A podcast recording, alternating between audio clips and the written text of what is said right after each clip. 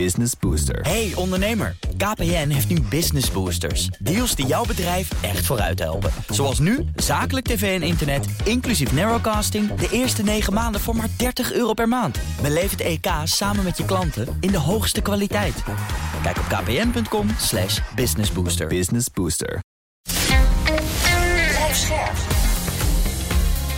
BNR Nieuwsradio. Boekenstein en de Wijk. Paul van Liemt. really what this trip was about. It was less about containing China. I, I, I don't want to contain China. I just want to make sure we have a relationship with China that is on the up and up, squared away. Everybody knows what it's all about. En Welkom bij Boekenstein en de Wijk. President Joe Biden die zoekt naar een goede verhouding met China. Hij wil naar een nieuwe wereldorde. Nee, hij niet. Dat willen wij, hè, heren, toch echt naar een nieuwe wereldorde. Met Arjan Boekenstein en Rob de Wijk uiteraard. We gaan het hebben over de positie van Amerika in de wereld. En vooral de relatie met China. Te gast is Amerika-deskundige Paul Verhagen. Ook analist technologische competitie bij HCSS, het Den Haag Centrum voor Strategische Studies. Daar zijn we ook heel blij mee. Welkom heren, alle drie. We beginnen met eh, de laatste tijd. Gaat de ene naar de andere hoge Amerikaanse functionaris naar China. Onlangs eh, Janet eh, Yellen, minister van Financiën. Maar waar duidt het op? Wat betekent dat? Wie van jullie kan dat zeggen? Het is echt een hele serie hè, Ja. die op dit ogenblik Ja. eh, gaat. Eh, achter de schermen eh, wordt er onderhandeld. eh, onlangs nog op Malta. Eh, maar nu heeft er ook weer een, eh, een nieuw eh, gesprek plaatsgevonden tijdens de Algemene Vergadering van de Verenigde Naties. Of, bijvoorbeeld, of bijvoorbeeld er een gesprek kan worden gearrangeerd in november tussen Xi en, en Biden. Nee, Ja. wat ik zie, maar corrigeer me Paul als, ik, als ik fout zit. Heel graag, natuurlijk. Eh, ik, ik, zie, ik zie echt gewoon dat er achter de schermen begint er een beweging te komen door al die contacten om de relatie toch enigszins te normaliseren. Ja, er, er wordt een poging gedaan om een soort van een vloer onder die relatie te zetten. Dat die niet verder escaleert. En de vorige keer dat er was, toen was dat tijdens die ballongate. En dat was natuurlijk een Ja. totaal debiele reden om dan niet naar China toe te gaan. Voor dat was toen Blinken, de eh, minister van Buitenlandse Zaken. Ja, Er wordt inderdaad wel gerealiseerd, er moet hier een vloer onder. Tegelijkertijd is het ook zo dat het vrij eh rumoerig is in de Chinese politiek zelf. Dus er was iets over de eh, minister van Defensie. En het gaat niet super lekker binnen China zelf. Dus misschien ook in hun belang om dan iets eh En ook in, het, te zijn. ook in het westerse belang, als het gaat helemaal niet goed met China, Ja. dat kan betekenen dat dus Xi erratischer beleid gaat voeren en misschien gekke dingen gaat doen met Taiwan. Hè? Ja. Dus je ziet heel duidelijk, het lijkt erop dat, ze, dat het Europese school van de-risking is sterker geworden en Amerika. Ja. Nou heb ik een vraag aan je, want kijk, we weten het allemaal niet precies. Mhm. Ik denk dus ook dat eh, de grote Amerikaanse concerns die we enorme belangen in China hebben gezet. Jongens, kan het een onsje minder zijn? Apple bijvoorbeeld, hè, die heeft wat fabrieken nu in Vietnam gekocht, maar die is het nog heel erg in China ook. En dat is natuurlijk een eh, niet te onderschatten machtsgroep in Amerika. Ja, kijk, met name de big tech firmen, dat zijn een soort van meest duidelijke vorm hiervan. Eh, Kijk, als je het, eh, de beurswaarde van Apple omzet in bruto nationaal product, dan is dat ongeveer Frankrijk. Dat is ongelooflijk. Dit zijn bedrijven die zouden in de G20 zitten. Dus inderdaad, dit zijn gewoon entiteiten die hun eigen belangen hebben, hun eigen politieke motivaties en ook goed weten hoe ze moeten lobbyen. Ook omdat ze gewoon campagnes financieren en zo. Dus ja, dat is zeker een factor. En zij willen gewoon zo stabiel mogelijk blijven handelen. Want decoupling, dat kost hen geld en dat kost hen ook gewoon innovatie. Ja, dat is, dat is een belangrijk punt. Dit. Zou het ook kunnen zijn eh, dat het hele beleid wat is ingezet door de Amerikaanse regering van reshoring, en nearshoring en friendshoring, nou dat betekent dus eigenlijk dat je bedrijven wilt terughalen uit China, ze neer wilt zetten in Amerika of bij vrienden, bijvoorbeeld in eh, Mexico. Dat het eigenlijk gewoon, ja, dat loopt niet goed. Dat is redelijk mislukt. Ja, kijk, dat hele paradigma is eigenlijk niks meer dan het einde van neo- neoliberalisme als het doctrine van de Verenigde Staten. Dat wil eigenlijk marktwerking, dus die fabrieken die staan waar ze staan, wat goedkoop is. Niet omdat het strategisch nuttig is of zoiets. Nou ja, als je dat gaat veranderen, dan verandert eigenlijk de hele ondertoon van hoe bedrijven werken. Dat betekent dat je moet gaan nadenken over hoe bedrijven en de staat zelf eigenlijk met elkaar in verhouding zitten. En vaak betekent dat, bedrijfs, dat bedrijven ook staatssteun moeten krijgen. Dat lijkt inderdaad op het Europese model. maar democratie hangt niet boven alles, uiteindelijk. Voor de Amerikanen natuurlijk. Eh, in, in ieder geval zeggen ze van wel. Eh, maar geld verdienen is natuurlijk ook gewoon heel erg belangrijk voor die Amerikaanse bedrijven. En, en het is wel echt een schok voor hen om dan weg te gaan van wat ze 30 jaar lang hebben gezegd. Namelijk vrijhandel, vrijhandel, vrijhandel. Ja. Want het idee was ook, vrijhandel gaat leiden tot een democratisch China. Nou oké, dat was een Ja, droom. dat gelukt niet. Maar niet gelukt. En nu komt er gewoon een heel ander spel naar voren toe. En dat betekent dat iedereen gaat herorganiseren. Maar is het in zo'n spel, Paul? Want dat vind ik toch wel, dat hangt er dan boven. Dat, dat is laten we zeggen, voor het heel grote publiek gaat het dan steeds weer over één zinnetje wordt eruit gepikt. Er wordt er weer op twee personen gewezen. Biden en Xi, gaan ze elkaar wel of niet zien? En doet dat er toe in dit verhaal? Of is dat eigenlijk niet eens zo belangrijk? En daar wil ik één ding nog aan koppelen, toch? Hè, de- ook al was het off the record, eh, Biden die Xi dan een dictator noemt. Zijn het allemaal dingen die, die, nou ja, die in zo'n machtsstrijd die je gewoon even in je mouw kan hebben. Dat je denkt, wacht even, als het me niet uitkomt, dan eh, kan Xi kan altijd denken, wacht even, ik ga niet met deze man praten. De hele wereld snapt ook waarom. Ja, kijk, het is meestal goed als mensen eh, praten. Eh, het zou een probleem zijn als ze niet met elkaar willen praten. Eh, volgens mij bij de vorige G20 zeiden ze ook van ja, laten we iets aardiger tegen elkaar zijn. Ehm, Ja. Maar je moet je er ook niet helemaal op stuk staren. Eh, er zijn andere mensen ook naar China geweest, zoals net gezegd. Janet Yellen, Ja. minister van Financiën, en ook eh, Raimondo. Dat is de minister in, in feite van Buitenlandse Handel. Maar Paul, En die is heel belangrijk. ik, ik heb opeens een, een brainwave. Dat komt zelden voor, dus we moeten er echt opletten. Zo bezig wel één keer de zeven jaar. dat zelf zegt ook, want dat zouden wij nooit durven. moment. Ja. We- Wij zaten in, in deze podcast erop zaten we steeds te zeggen van... nou ja, Duitsland is eigenlijk ontzettend kwaad op Amerika. Want Amerika wil dus... Biden was nog harder dan Trump en die willen dus echt decoupling. En dat is niet in Duits belang. Wat gebeurt er nu? Potverdorie. De Amerikanen worden de-risking. En de Europese Commissie gaat nu al die, eh, die, eh, die, die eh, Chinese elektrische auto's een tarief geven. En opeens zijn we aan het stuivertje wisselen. Ah, Europa krijgt gedonder met China. China is ontzettend boos over die antidumpingmaatregelen die we hebben gedaan. Hè? Maar ja, En dat dus- doen ze zelf ook. Ja, dus de Amerikanen zijn verstandiger geworden. En de Europeanen beseffen nu dat ze heel lui ge- geweest zijn met de Duitse auto-industrie. Ja. Die dus echt op zijn gat ligt. Hè? Ja. ja, even heel kort in de bocht. De EU is een heel goed voorbeeld van een institutie die eigenlijk uit dat neoliberale tijdperk kwam en helemaal niet geschikt is voor de aankomende strijd. Namelijk, Ja, helemaal platgeslagen is de EU een pacifistisch vrijhandelsproject. ja. Oké, nou ja, eh, dus we moeten gas kopen van Rusland zodat ze geen probleem veroorzaken. Nou, dat werkt niet. Ja, En pacifistisch zijn, dat biedt heel weinig dekking tegen Russische tanks. ja. Oké, als die twee pilaren wegvallen, wat is de EU dan? Nou, Ja. dat is nu de grote vraag. nou ja, Van der Leyen heeft gezegd tijdens haar State of the Union... begon ze te zeggen dat er een geopolitieke unie nu geboren is. Nou, Ja. dan eh, is dat wel een... Groot claim. Sorry dat ik het zo zeg, maar wel een misvormde baby. Ja. Eh, Die, dat die geboren is. Ik bedoel, daar bedoel ik verder niks mee, maar er zitten geen aan. Eh, Wel dus dat, dat is echt, dat is, dat is dus gewoon niet zo, wat, Ja. eh, wat, zij, eh, wat zij zei. Nee, wat, wat, wat, wat ik zie is dat een, een deel van het beleid van Amerika gewoon mislukt is. Dus die bedrijven komen niet terug. ja. Ehm, eh, ik, zie inderdaad, staat onder druk. Jij noemde uh, Ballongate. Mhm. hè? Eh, daarvan is nu bekend geworden dat, eh, de, dat Xi gewoon niet is geïnformeerd over de positie van die ballons. Dus hij heeft gewoon. Dat duidt op een gebrek aan controle in eigen land. Terwijl dit de grootste controlfreak is eh, van de hele wereld. Ja, dat is heel gek. Eh, daar zit dus een, eh, een probleem in. Ehm, maar wat denk ik ook van groot belang is, is dat de Chinezen nu bezig zijn om zelf druk uit te oefenen. Bijvoorbeeld eh, door het blokkeren van de exporten van germanium en gallium. ja. En eh, zonder dat heb- heeft de, de chipsindustrie en de high-tech-industrie in algemene zin Groot probleem. een geweldig probleem. Dus ik, ik denk dat de Amerikanen dit niet op de spits willen drijven, want daar worden ze zelf een slachtoffer van. Ja. ja, je wil jezelf niet in de voet schieten. En eh, China is de motor van de wereldeconomie. Eh, tijdens corona is dat iets veranderd. Maar eh, volledig die kappelen is gewoon zo ongelooflijk duur... en word je zelf ook armer van, ja. dat dat niet wenselijk is. Dus de-risking is een soort van slimmere manier van... oké, waar kunnen we eventueel risico wegnemen van China... in plaats van gewoon helemaal niet meer handelen met China. Ja, de vraag is ook, is het verstandig om dat dan ook heel groot te, communi- te gaan communiceren? In, in, in het verhaal van we willen iedereen meekrijgen. Of is het het verhaal voor achter de schermen? Is het meer diplomatieke verhaal? Of zeg je nee, dit, zet dit gewoon op de kaart, dat we het op deze manier aanpakken. Dan begrijpt iedereen ook wat de dilemma's zijn waar we voor staan. Ehm, in democratieën is het ook van belang dat je ook laat zien waar je heen gaat en waarom je er ook heen gaat. Dus dat is in, intrinsiek iets in het Westen dat je moet doen. Je moet gewoon het publiek meenemen. ja. De Chinezen kunnen dat subtieler doen omdat ze geen democratie zijn. Eh, in dit geval moet je inderdaad daar wel gewoon draagvlak of hoe je het ook wil noemen voor creëren. En wat Rob ook net zei. Ja, Van der Leyen spreekt eigenlijk een wens uit voor een geopolitieke unie. Niet een constatering van dat bestaat, Ja. maar een intentie. En Paul, om het nog erger te maken. Duitsland-rapport, hè, twee dagen geleden. Ik, ik ben van mijn stoel gevallen. 150 miljard desinvestering.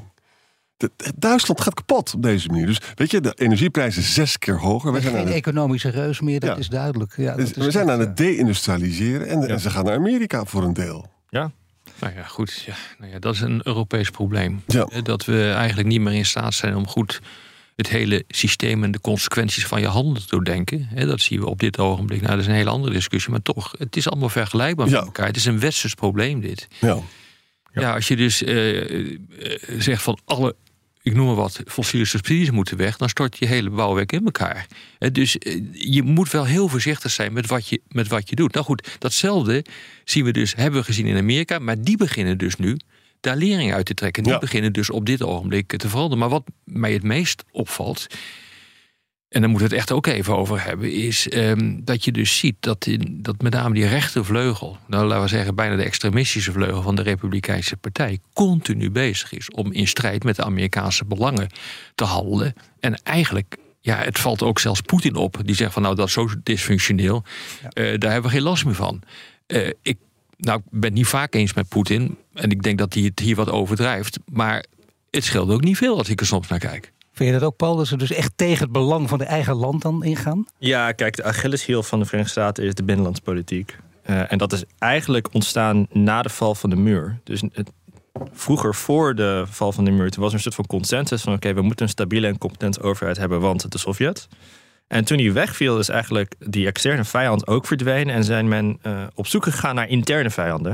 En dat is toen de overheid zelf geworden, ook naar aanleiding van de Reagan Revolution. En is daar een soort van intern gericht antagonisme ontstaan, waar je nu dus die polarisatie uit ziet. En dat is gewoon het grootste zwakke punt van de Verenigde Staten. Ik was laatst naar een boek aan het kijken, dat was van Joseph Nye. En dat is een hele bekende internationale eh relaties eh, specialist. En hij schreef in 2014 een boek over of, Amerika, of de Amerikaanse eeuw voorbij was. Hij zei van nee, Amerika is nog steeds oppermachtig, maar eh, het enige wat dat zou kunnen veranderen is een catastrofale binnenlandspolitische eh, crisis. Precies. En dat was in 2014 eh, voor Trump. Dan gaf je dus toen al de Achilleshiel aan. BNR Nieuwsradio. Boekenstein en de Wijk. Op zoek naar de nieuwe wereldorde. Dit is Boekenstein en de Wijk. En dat programma is natuurlijk niets zonder Aart-Jan Boekenstein en Rob de Wijk. Mijn naam is Paul Verlien. te praten met Paul Verhagen. Ja, Biden staat er in eigen land eh, niet goed op. Hè. Je hebt het al over sowieso eh, binnenlandse druk. Eh, te- inderdaad, die, die rechtervleugel die tegen het eigen belang ingaat. Maar er speelt nog iets. Die rechtervleugel die ziet ook de kans schoon. Biden steeds meer onder druk te zetten. Misschien wel kijken of we die afzettingsprocedure kunnen beginnen en doorzetten vanwege die zoon, Hunter. Ja. Hoe groot is dat? Is dat een verhaal dat wordt opgeblazen of zeg je nee, let daar vooral op. Hou dat in de gaten, dat gaat heel groot worden. Nog groter. Hier variëren de meningen een beetje over. Ik denk dat het zelf opgeblazen wordt ehm, voor politieke redenen. Kijk, eh, uiteindelijk eh, Hunter Biden heeft allerlei drugsproblemen. Ehm, en een heel groot aandeel van de Amerikaanse families heeft gewoon iemand in de familie nu met drugsproblemen. Omdat het zo'n breed gedeeld probleem is. Dus het, Het is een ook- epidemie, hè? Epidemie. ja, het voelt ook een beetje als een soort van naschoppen van gewoon een, een, een, een man die problemen heeft. eh, die toevallig dan politiek een doelwit wordt. Maar dat is mijn Denk je dat dat wijdverbreid is, dat idee, dat gevoel in Amerika? Ja, nou ja, de meeste Amerikaanse vrienden die ik ken, die hebben minstens één persoon die dan een soort van zwart schaap in de familie is, omdat hij gewoon een drugsprobleem heeft. Het is echt, echt ongelooflijk veel voorkomend in de VS. Dus het is denk ik iets wat mensen ook zullen herkennen. En, en wat erbij komt, er is geen eh, shred of evidence, hè? Geen, geen greintje bewijs dat er een relatie is tussen Biden, papi en zoon, eh, wat, Oekraïne betreft. Hm. Dus het wordt heel erg opgeblazen. En dat Nou, hij brengt. heeft zich wel Ja. heel erg achter zijn zoon geschaard. Dat wel. Wat ik me ook wel kan voorstellen. Want hoeveel Ja. familieleden is Biden wel niet verloren door ongelukken? of twee. ja. Ja, dat is echt buitengewoon triest. Ja, Eh, door kijk. ongelukken en door, Oh. of door een ongeluk en door, door ziekte. Maar het is een onderdeel van een algehele malaise die echt iedereen een koud hart bezorgt. hè. Even wat er op deze week dan gebeurt. Tot twee keer toe hebben dus de extremistische republikeinen hebben het Pentagon eh, bu- budget, de bill hebben ze gewoon niet aanvaard. Hè. Weet je, ze hadden hun eigen amendementen ingediend. Ze hebben dus hun eigen rules hebben ze niet aanvaard. Dit is dus unheard of. Hè? Dat is één. Twee is, die Kevin McCarthy kon alleen maar benoemd worden als leider als hij dus heel makkelijk afgezet zou kunnen worden. Dat heeft die, eh, die, die hebben die extremisten voor elkaar gekregen. Dus Kevin McCarthy is eigenlijk een, een, een dead man walking. Hè? Ja. Dat, Ja, dat- puppet on a string is hij. dus een puppet Ja. on a string. Ja. Nou ja, en de derde is, die mensen zijn gewoon helemaal van God los. Die, de, de senatoren die bijeen zijn gekomen in dat zaaltje met Zelensky... daar zaten dus heel weinig republikeinse senatoren bij. Ja, en als je als Amerikaan niet begrijpt dat, eh, als, dat Oekraïne een verlies ook een probleem is voor Amerika... omdat namelijk dan China sterker wordt... Ja. dan zijn we wel van God los, eerlijk gezegd. Ja. Ja. is er helemaal stil van. Goed gezegd, ja. Deze woorden. Ja, en kijk, de Republikeinse Partij is eigenlijk gewoon geen partij meer. En je ziet inderdaad een hele duidelijke split tussen een soort van het oude establishment, wat eigenlijk de Bush-type neocons waren. Dus die Ja. een heel actieve interventionistische rol willen hebben in de Verenigde Staten. En een, een vleugel die heel erg met Trump gelieerd is. En die eigenlijk zegt van ik kan Oekraïne überhaupt niet op een kaart vinden.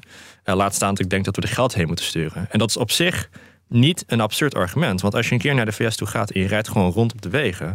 Vol gaten, anders valt het elkaar, Ja. bruggen Ja. vallen om. Dus dan is de vraag, waarom hebben we miljarden in bijvoorbeeld Irak gestoken... in plaats van gewoon onze wegen hier bouwen?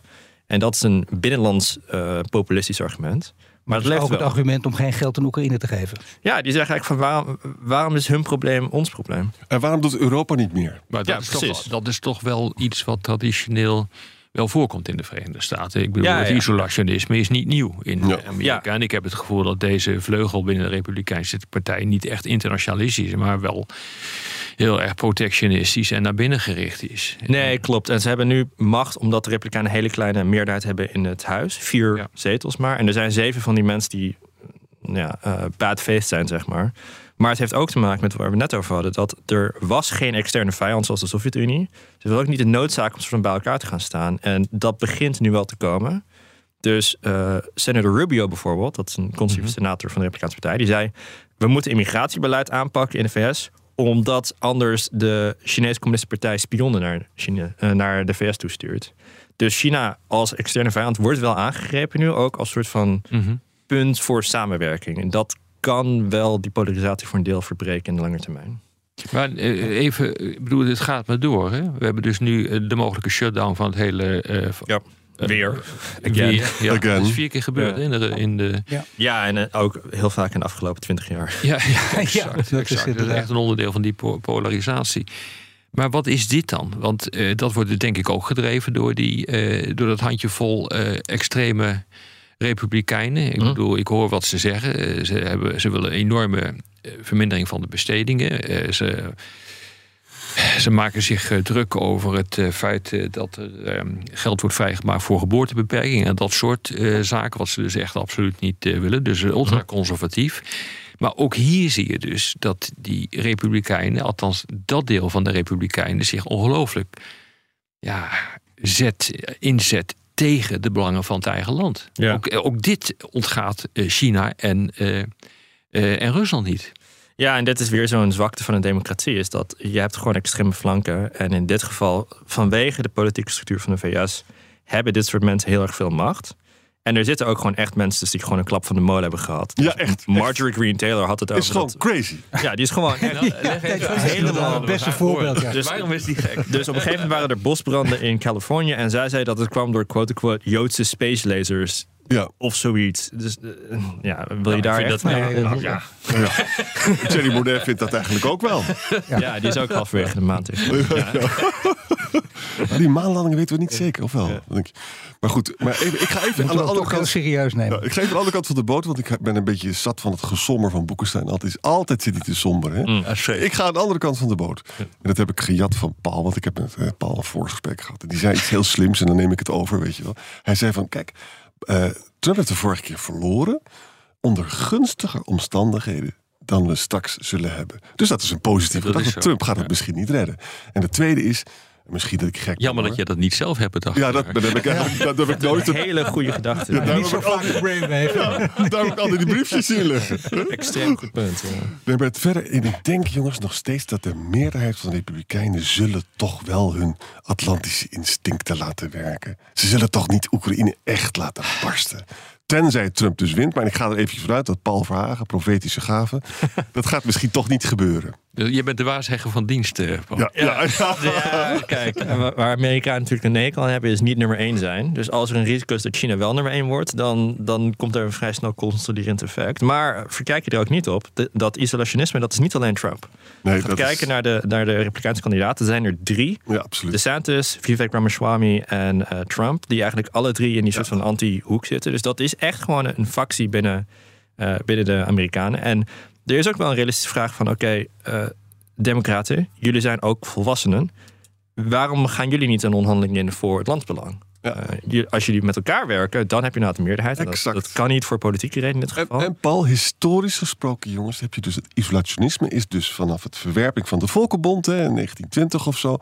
En Roosevelt moest in 1940 de, de blaren van zijn tongen praten om überhaupt Amerika naar Europa te krijgen. Dus dit is een hele sterke Vanaf het begin. vanaf het begin. Eh, Washington zei McCarthy zet moet- wel, McCarthy zet wel enorme druk. Hè? Door, door bijvoorbeeld ook toe te voegen, die honderden miljoenen die, die we nu aan jullie geven. We willen weten, wat is je plan, Zelensky? Vertel even, wat is je plan? Wat ga je met het geld doen? Je plan om die oorlog te stoppen? Ja. Nou ja, eh, dat lijkt me niet een heel goed idee om dat publiek te maken. En dan zegt hij bij, dat willen alle Amerikanen weten. Ja, kijk, alle Amerikanen kunnen denk ik niet Oekraïne vinden op een kaart. Ehm, dus dat lijkt me sowieso al niet waar. Ehm, ja, goed. eh, Kijk, je hebt een soort van eh, wapenwedloop naar rechts toe om meer en meer en meer extreem te komen. En ik denk dat heeft te maken met dat ze gewoon zo'n kleine meerderheid hebben. Dus wat dat betreft zou het misschien geopolitiek wel beter zijn geweest als de Republikeinen meer zetels hadden gewonnen. In plaats van dit soort stoelendans te hebben. Maar. Paul, even een rotopmerking. Mhm. Ik zelf, waar ze, mensen heel kwaad om worden. Het is nog steeds denkbaar dat die de oorlog gaat niet zo geweldig. Hè? Het is nog steeds denkbaar dat het een frozen conflict. En Ja. dan de krachten bouwen zich gewoon op van ja, waar zijn we eigenlijk mee bezig? En moeten we nou maar niet gaan praten? En daar, dat instinct zit bij de Republikeinen natuurlijk beter dan bij de Ja, Democraten. hoor eens, dit is ook de formele positie van Biden. Ja, ja. Want in mei vorig jaar heeft hij zijn formele positie duidelijk gemaakt. Hij zegt van wij leveren wapens ja. Om eh, ervoor te zorgen dat Zelensky een zo goed mogelijke onderhandelingspositie Ja. eh, krijgt. Ja. En toen, ik herinner me nog, toen eh, Zelensky in december was dat volgens mij in het Witte Huis was, toen herhaalde hij dat en toen zei hij. Sorry Zelensky dat ik dat eh, nog een keer heb gezegd. Want ik weet dat jij er anders over denkt. Maar dit is mijn positie. Dus dit is volstrekt helder. Dit is denk ik. Gaat over alle partijen heen. Toch? Ja. Ja, kijk, het grappige is dat het, het Amerikaans presidentschap heeft heel veel eh buitenlands beleid macht. Eh, dat ligt ook meestal gewoon volledig belegd bij de president zelf. En daar, dat is ook een heel consistent ding. Want je, je hebt een bepaalde hoeveelheid van, dat heet dan path dependency. Dus dat je afhankelijk Ja. bent van dingen die in het verleden zijn gebeurd. En je moet daar gewoon mee verder gaan. Dus je zag ook dat Obama voor een groot deel verder ging dan wat Bush had gedaan, et cetera. Het probleem waar, waar Rob net ook op doelde, is dat de militaire macht ligt bij de president. Maar de spenderingsmacht om Het congres. ligt bij het congres. En het congres Ja. ligt nu dwars. Dus dan heb je een president die in principe militaire macht heeft. Maar er geen geld voor heeft, Ja. omdat de, het congres moeilijk doet. En dat begint heel erg te schuren. Nee, weet, je, weet, je wat, weet je wat we nu gaan doen, Ja. Rob? We ronden af. Oh, Maar niet hier. Alleen op de radio. Alleen, ja, jammer, nee, maar we bl- blijven luisteren. Want ik weet, eh, ik ben heel benieuwd wat hij gaat zeggen. Dat Als we nu extra betaald luisteren, dan gaan we nog een uurtje door. niet. Nee hoor, op de radio ronden we onverbiddelijk over. Maar in de podcast gaan we langer door met luisteraarsvragen. Luistert u op de radio, dan verwijs ik naar boekensteinendewijk.nl of uw favoriete podcast app. ja, wa- waarom is het tot nu toe niet uitgebreid over Trump gegaan? Jouw favoriete Ja. onderwerp, eh. Nou, Ja. dan komt er gaan Ja, bij de vraag. Af en toe is die wel even ter sprake gekomen. Kijk, voor de eerste impeachment eh, tegen Trump, hè, dat ging toch omdat hij Zelensky onder druk probeerde te zetten om een onderzoek te starten naar eh, de verwikkelingen rond Hunter Biden en Biden zelf, toch? Ja, en hij probeerde die javelins, die, die raketten, te ontzeggen. Specifiek Exact. dat ding wat echt cruciaal was. Exact. Dus eh, je mag ervan uitgaan dat als Trump gekozen wordt, dat het eerste wat hij doet, is een militaire steun eh, eh, stopzetten en zijn handen terugtrekken eh, uit Oekraïne. Ik bedoel, ik kan, een man die zo in elkaar zit en dit soort dingen doet, die doet dit ook. En dan gaat de NAVO De opblazen. NAVO is dan braindead weer, want Macron die krijgt dan weer gelijk. Ja. Ehm, maar tegelijkertijd heb jij een brainwave eh, gehad eh, naar aanleiding van wat iemand anders tegen je zei. En je Ja, bent dat de is ons echt opgevallen. Je bent, ja, dat is absoluut opgevallen. Je bent tot de conclusie gekomen dat de uitgangspositie van Trump nu, eh, eh, nu slechter is. Het hoop, hoop ik, hè, hoop ik. Paul hoopt het ook. Ja. Maar is dat nou echt zo? Nee, het is helemaal, ben helemaal niet zeker, man. Ik, ben helemaal, ik lig er elke nacht wakker van. Ik lig er verschrikkelijk wakker van. Ja. Omdat nog steeds 60% van de Republikeinen geloven dat de verkiezingen gestolen is. Die mensen zijn immuun voor feiten. Gewoon immuun. Ja, maar 60% van een partij van 5% is 30%. Dat Dat is is genoeg om een verkiezing te winnen. Maar dan hebben we... Ik vind die senior momenten bij Biden. Ik weet dat ik er niet over mag beginnen van Paul. tuurlijk. maar dat vind, dat vind ik ook niet gezellig. Dat heeft een electorale impact, toch? Als ik Nou ja, bevries hier in deze ik- podcast, ik- dan word ik eruit gegooid erop. Nee, maar er, is wel Dat gaat zeker niet gebeuren. De komende tien jaar gaat het niet gebeuren. maar dat vinden we niet zo erg. Dan nemen wij het gewoon over als je dat eh, hebt daar. Ja, dat valt niemand op, want het is televisie. praten. Ja. Nou, nou, nou, hé, dat is, ja, hier gebeurt er wat. Zou er morgen nog een uitzending zijn? Blijf luisteren. Nou ja, real- realiseer je wel dat veel van de dingen... Kijk, Trump was altijd extreem. Maar veel veel dingen die echt heel extreem waren over Trump, die zijn na de verkiezing gebeurd. Dus het Ja. van het kapitool, al, al dat soort zaken, de Mar-a-Lago, FBI, al die dingen. Dus hij is veel en veel controversiëler geworden. En de vraag in de vers is niet, wat is je favoriete smaak ijs? De vraag is, heb je liever vanille of chocola? En daar moet je dan tussen kiezen. Dus Ja. eh, die steun die Trump nu heeft, is ook deels een beetje van: ik ben gewoon over het algemeen ongelukkig over Biden. Maar gegeven de keuze tussen Biden en Trump, Ga je voor Biden dan? gaan de meeste mensen alsnog voor Biden. Ja. En dat was ook 2020 zo. Maar, maar kijk, we zijn nu vijf jaar verder straks, hè? of vier jaar. Mhm. Eh, die demografie die verandert in de Verenigde Staten. Dus je krijgt een opkomst van jongere kiezers, maar ook eh, de verhouding tussen de oude WASPs, de, de White Anglo-Saxons en Protestants, Ja. eh, en de andere groepen, van de Hispanics tot de, de Aziaten, die is aan het veranderen. Ehm, wat voor impact zou dat nou kunnen hebben op de volgende verkiezingen? Dus dit, die demografische trends, daar werd heel, veel lang, heel lang van gedacht dat dat voor de Democraten zou werken. Namelijk eh, dat een minderheid van het land in de Verenigde Staten eh, wit zou zijn. En over het algemeen stemmen eh, witte stemmers republikeins en Ja. niet-wit stemmers stemmen democratisch. Dat begint heel erg te schuiven. Dus wat er deels begint te ontstaan is dat veel meer hoger opgeleide mensen beginnen democratisch te stemmen. Ook witte hoger opgeleide.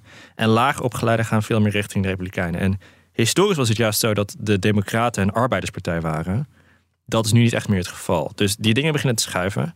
Eh, en wat ook heel erg duidelijk begint op te komen is een eh geslachtensplit. Ja. Dus veel en veel Ja, meer vrouwen zijn voor eh, democraten. Ja. En veel en veel meer mannen. Ook onder etnische minderheden, dus zwarte mannen, Latino mannen, eh, ook Aziatische mannen, die beginnen steeds meer richting de Republikein te gaan. Het is niet veel. fenomeen als wat je in Europa ziet. Ja, Ja. dus je begint inderdaad een soort van, eh, ja, eh, een beetje een Poetin-esque-achtig, sterke man-achtig figuur te krijgen. En dat ligt meer bij de Republikeinse partijen dan bij de En Democraten. wat zou dit kunnen betekenen? Het betekent dat je echt een puur ideolo of een identiteitspartij krijgt. Eh, Ja. Een identiteit van ik ben een lager opgeleide man, eh, ik heb geen fancy college degrees en ik wil gewoon, nou even plat gezegd, hout hakken in het eh, bos en niet lastiggevallen worden door de overheid. Dat begint heel erg identiteit te worden. En daar zit, alleen willen wonen in het bos, daar zit al een bepaald installationisme Mhm. in. Ja. En dat heeft betrekking op buitenlandse politiek. En dat is gunstig voor Trump. Daar komt het op neer. Ja, maar hoeveel heb je er? Heb je er genoeg? Ja, dat is Maar als je gaat tellen, hoe zit het? Is, is dit een 50-50 dan of niet?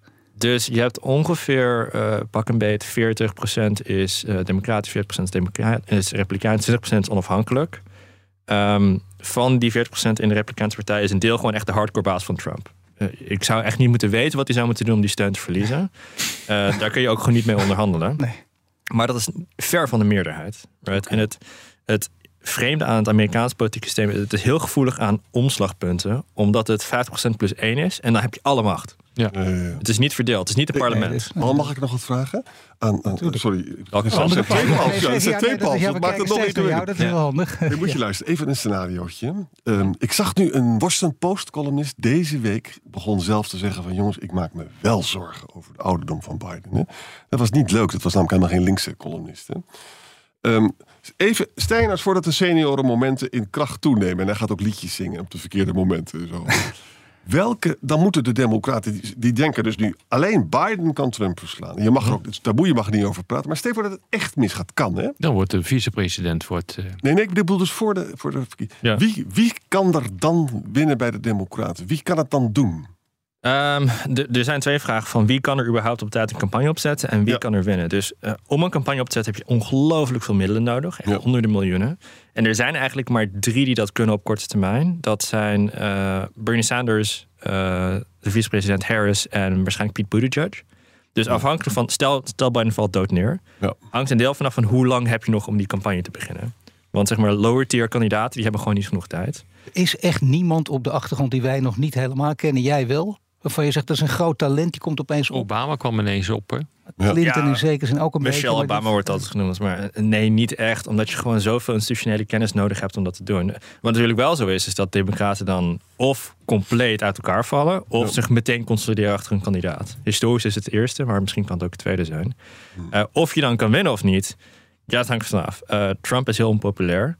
Ehm, ik weet niet wat er zou gebeuren als je Harris tegen eh, Trump zou zetten bijvoorbeeld. Er zitten natuurlijk ook allerlei racistische ondertonen aan, ook seksistische ondertonen. Maar Harris heeft een slechte pers bij rechts. Ze heeft ook wel een echt onmogelijke hand gekregen. Want zij moest dan even het immigratieprobleem en ook even de Senaat oplossen. Ja. En. Bo en Buttigieg vind ik een heel begaafde jongen. Ja. Toen al. Maar die is homofiel. Nou, dat is dus in Amerika gewoon een probleem.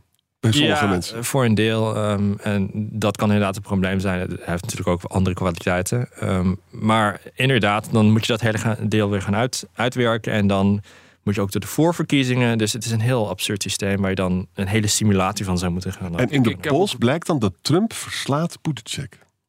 dat kan, dat is ook voor een deel nu eh, naamherkenning. Maar ik heb het gevoel dat Biden dit tegen wil en dank doet. Ik heb het echt het gevoel dat Biden, en dat is ook wel wat Ja, je, volgens wat je leest gewoon hoort, dat hij gewoon een, Ja. een, een één term president eh, eh, wilde worden. En ik Ja. moet zeggen, dat heeft hij op zich wel goed gedaan. Heeft het Als je fantastisch gewoon gedaan. kijkt wat de, wat de inschatting is ook van Amerikaanse experts, dan wordt hij heel hoog aangeslagen en heeft hij Ja. heel veel van elkaar gekregen. Dus eh, hij had echt zijn plek in de geschiedenis kunnen veroveren en dan aftaaien. Maar dan moet je wel een goede opvolger hebben. Ja, hij is bang voor, voor Trump. En Ja. Biden is altijd de anti-Trump geweest. Want Ja. waar we net over hadden, die zeg maar de hoger opgeleid tegen lager opgeleid. Biden heeft een bepaald blue collar, dus soort van lagere arbeidersklasse imago. En dat is precies dus waar je Trump kunt aanpakken. Dan is hij ook, eh, zit hij goed met zijn zoon? Ja, precies. Ehm, dus eh, het was altijd voor, voor Biden, hij wou graag met pensioen. Verdient hij denk ik ook. Eh, maar zolang Trump aanwezig is, heeft hij het gevoel dat hij zich moet opofferen eigenlijk op dat. Ik denk ja. dat dat zo is. Ja. Dat is nog waar ook. Maar zonder dat ik ze gesteld heb, hebben jullie al vier luisteraarsvragen beantwoord. Dat is best knap eigenlijk. Zo, hè, dat dit is heel handig. Noem de namen van die mensen even. Nee, maar dat, dit zijn, ze zijn, er waren er heel veel. Die hebben geen, niet één naam, maar die hebben Oh. steeds een aantal luisteraars. En nu is er iemand, ook eh, zonder naam, die, eh, die zegt... hoe gevaarlijk, acht Paul Verhagen, voor jou de vraag Paul... de schermutselingen tussen Filipijnen en China over de spreadlease. Ze sluiten steeds meer defensieallianties met Amerika, met Australië en met Japan. En nog met meer landen. Volgens mij is dat niet heel nieuw. Eh, dus dat de Filipijnen. Dus vroeger had je het and spokes model, waar echt de, de Amerikanen waren zeg maar de supreme macht. En had je een aantal soort van kleine landen die soort van aanhingen. Eh, dat begint een beetje te schuiven, omdat die landen gewoon zelf ook machtig worden. Maar dit is niet nieuw. Die, die basissen op de Filipijnen, volgens mij zijn er vier nieuwe basissen. Ik denk het, ja. Zoiets. Ja, dat is gewoon een deel van eh, ook wat Rob net noemde, het antagonisme richting China van die hele regio. Er zijn niet heel veel landen in die regio, afgezien van Noord-Korea en, en Rusland, die eh, goed bevriend zijn met, met China. No allies. Maar of het nieuw is, nou, niet echt. Nee, je zit niet in een soort van Eerste Wereldoorlog situatie waar je dan een soort van domino-effect krijgt waar iedereen wordt Nou, meegetrokken. het laait af en toe op, maar dat is eigenlijk al, nou, laten we zeggen, bijna 15 jaar het geval. Ja, in 2005 of zoiets begonnen ze met die Ja. eilanden opspuiten. Trouwens, Nederlandse machines die daarvoor worden gebruikt. Misschien een Want andere er vraag waar ik ook geen, waar ik overigens geen, eh, geen naam bij heb. Want er zijn een, een paar mensen die hem gesteld hebben. En die zeggen daarbij, die, die excuseren zich al een beetje. Daarvoor is speculeren nodig en doemdenken vereist. En er wordt er speciaal Oh, nou, kom maar verwezen naar. Ja, ik durf het bijna niet uit te spreken, maar het staat er gewoon. eh ja, Arend Jan voor de speculatie, Rob voor de doem. Nou ja, dat weten de luisteraars inmiddels ook gewoon. Weet je, kun je gewoon niet meer vullen. Doem en gloom. Ja, dat is ook een mooie titel voor een vervolg. Spin-off ervan.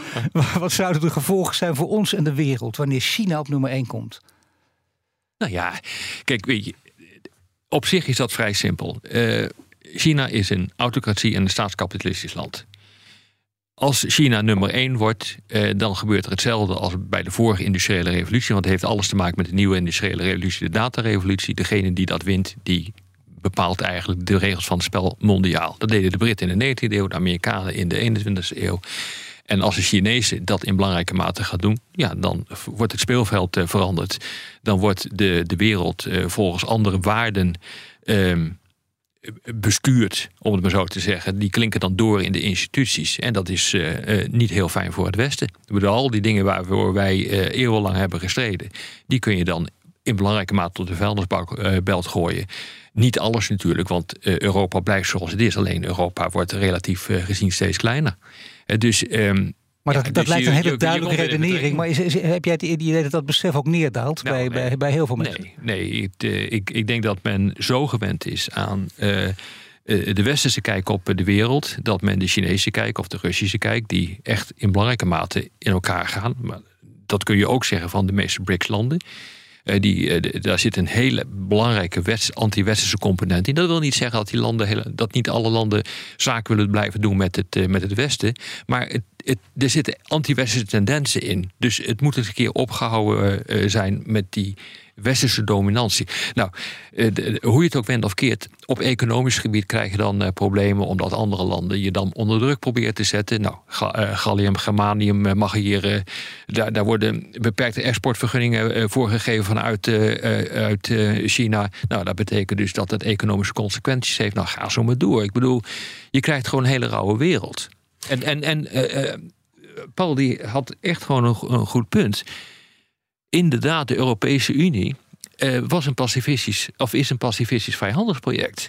Ja. En die niet geëquipeerd is voor deze rauwe machtsstrijd. Nou, dat is het hele probleem. En ik had ook al die onsmakelijke vergelijking met die baby gemaakt, zo net. Maar dat is natuurlijk wel het punt. Het is nog geen geopolitieke unie, omdat die de machtsinstrumenten on- ontbreekt. Maar wij zitten nog helemaal vast in dat pacifistische vrijhandelsproject. Ga luisteren in de Tweede Kamer. Ja. Dus speculerend, Aart-Jan, Ja, ga je zal- dus daaruit daar ben en ik erg goed ben ik erg goed Nee, maar dan is het een belangrijke volgende stap natuurlijk. hè. Dus Zou, zou dat, is, is dat dan, denk je dat ook de, dat de richting van de beweging is? Dat je wel eh, een federatie gaat worden? Nou ja, dat, dat, dat, dat, hoop ik wel. Volgens mij is dat namelijk de enige oplossing. De landen denken, als je het doet dan, en je gaat vanuit Brussel tegen Rome zeggen dat ze moeten bezuinigen, dat, dat je ook enorme tegenkrachten oproept. Dat is een heel moeilijk spel. Even terug naar het punt van Rob, want het is zo. Als China echt zou winnen, hè, dan is het gaat al heel slecht met democratie in de wereld, maar dan verbleekt dus ook de democratische diamant. Hè? Want mensen gaan denken van, nou ja, die mensen daar in Europa die kunnen niet eens Poetin tegenhouden, dus die kletsen heel veel in het parlement, die doen eigenlijk niks. En ja, Xi is misschien toch niet zo'n gek systeem, dat is belangrijk. Gelukkig is het wel zo dat het helemaal niet goed met China gaat. Dat het zeer de vraag is of het echt gaat doorzetten. Vastgoedcrisis, mensen kwaad over die pandemie. Eh, hij heeft alleen maar ja-zeggers benoemd.